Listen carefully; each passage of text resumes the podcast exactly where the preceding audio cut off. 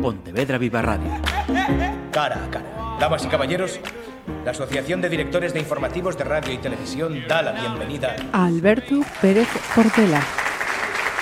Saludos, ¿qué tal? Vamos a hacer un pequeño ejercicio de memoria. En el mes de enero habíamos tenido una charla aquí en Pontevedra Viva Radio con Alberto Pérez Portela, un joven pontevedrés con el alias de Jumper y que lleva cuerpo y mente imbuido hacia el breaking. Bienvenido de nuevo, Alberto, lo primero. Muy buenas, ¿qué tal?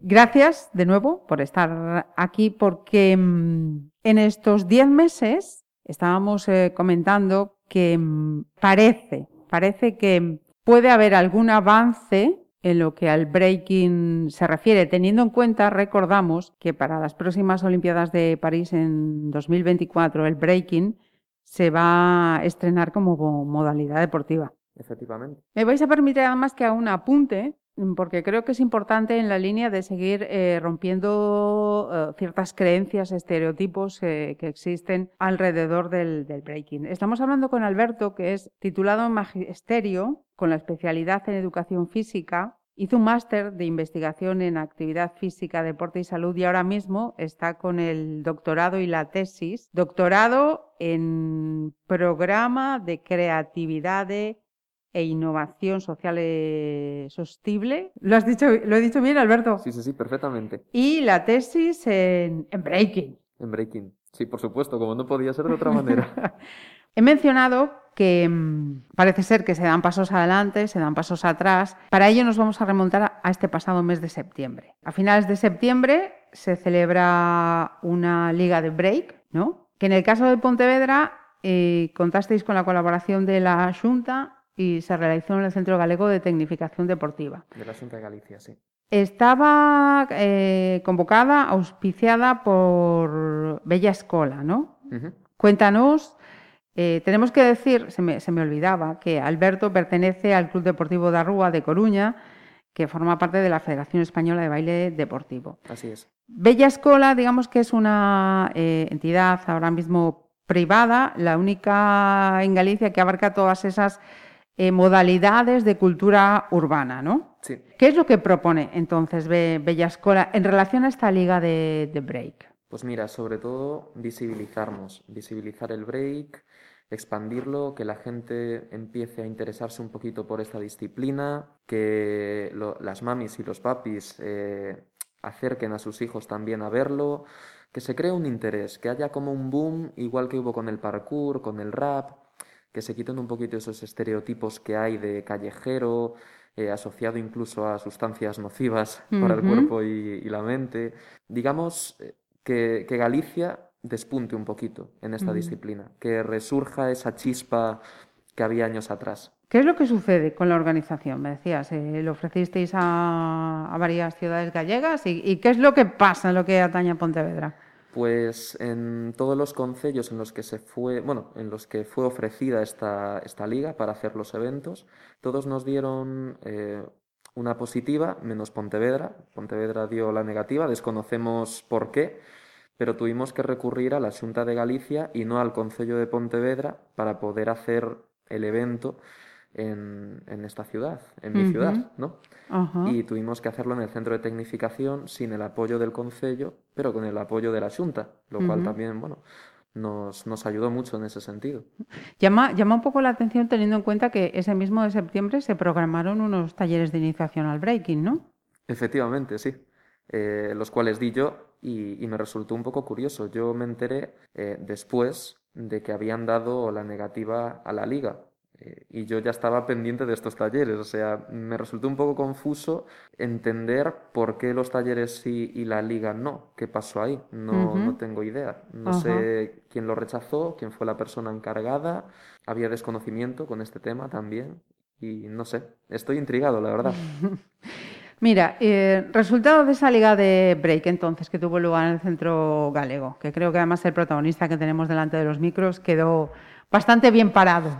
Eh, sí, el resultado, eh, tuvimos la suerte mi compañero y yo de llevarnos el evento. Un saludo a Sergio Perol, que fue mi compañero en el 2 contra 2, y muy guay. Eh, lo pasamos muy bien, fue un evento muy cercano, tuvimos la oportunidad de que el centro de tecnificación nos viera y viera cuál era el nivel gallego, que aún así faltó gente en la competición, porque estaban representando en otras partes de España, eh, por lo cual también estamos muy orgullosos, debo decir. Y fue un evento muy divertido, eh, eso, nos lo pasamos genial y, creamos aún más unión. O sea que maravilloso. Buenos eh, resultados, noticias esperanzadoras o no, porque Creo que tuvisteis contacto con Letelasa y habló de la posibilidad de una federación galega de baile deportivo que ahora mismo no existe, ¿no? Exactamente. Cuéntame, por favor. Pues nos dio la opción de efectivamente crear esta federación de baile deportivo, eh, cuya disciplina olímpica ahora mismo va a ser el break, el breaking, y tampoco queremos hacernos muchísimas ilusiones porque sabemos que cosas de palacio van despacio, obviamente pero sí que sonó muy bien el hecho de quedarnos en el centro, poder utilizar las instalaciones, eh, las salas de musculación, la piscina, las pistas de atletismo, en fin, una preparación que sí que necesitamos, que es muy necesaria, eh, prioritaria, diría, obligatoria, y esperemos que se cumpla porque para tener un mínimo de posibilidades de llegar a los Juegos o incluso representar a nivel español, necesitamos una optimización de recursos, eh, necesitamos tomárnoslo muy en serio. Por fin hacerlo de manera oficial. Ajá. Es decir, esto supondría que mm, pudierais disponer de un espacio, el centro de tecnificación, con ese equipamiento y esas instalaciones acordes con lo que es una disciplina olímpica, como va a ser en 2024. Exacto, y es muy estricta. Y necesitamos prepararnos muy bien. Lo que parece ser que nos faltan son eh, recursos eh, humanos, es decir, breakers o b-boys, b-girls, como nos habías dicho en la anterior eh, ocasión. Y para eso me quería referir a un evento, el Madrid Urban Sports, que reunió, si no me equivoco, a cerca de 60.000 personas en torno a todos estos deportes urbanos. Y me decías, Alberto, que, mm, que Galicia dejó su impronta. Galicia despuntó y bastante, además. Estamos muy, muy orgullosos de los resultados. Ajá. Cuente, ¿tenemos eh, por ahí algún datito para reflejar esto que nos cuentas? Tenemos, tenemos varios miembros del club, eh, chicos y chicas, representaron muy bien en el evento de Madrid. De hecho, tenemos un segundo puesto en categoría junior con David Amor Tenemos un cuarto puesto de Alicia, Mini Ali, eh, que es su ACA, en categoría de niños, que ahora mismo no recuerdo bien si tenía ella 10, 11 añitos, pero es muy joven y lo hizo fenomenal. Tuvo felicitaciones por todas partes.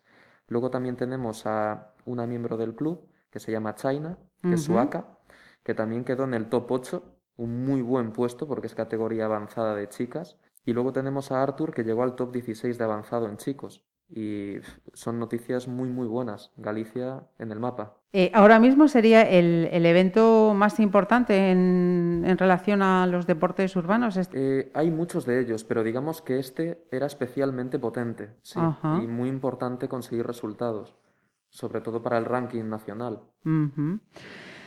Bueno, pues eh, esperemos que estos últimos datos que nos da Alberto Jamber sean revulsivo, espoleta, para que esa promesa de que haya una Federación Galega de Baile Deportivo efectivamente se haga realidad y se haga realidad pronto porque parece que 2024 está muy lejos, pero vosotros necesitáis tiempo para estar a la altura, ¿no? Si se quiere conseguir una plaza. Muchísimo tiempo y de hecho se está empezando a, rumorear que a lo mejor para 2028 también se va a confirmar para los Juegos Olímpicos de Los Ángeles.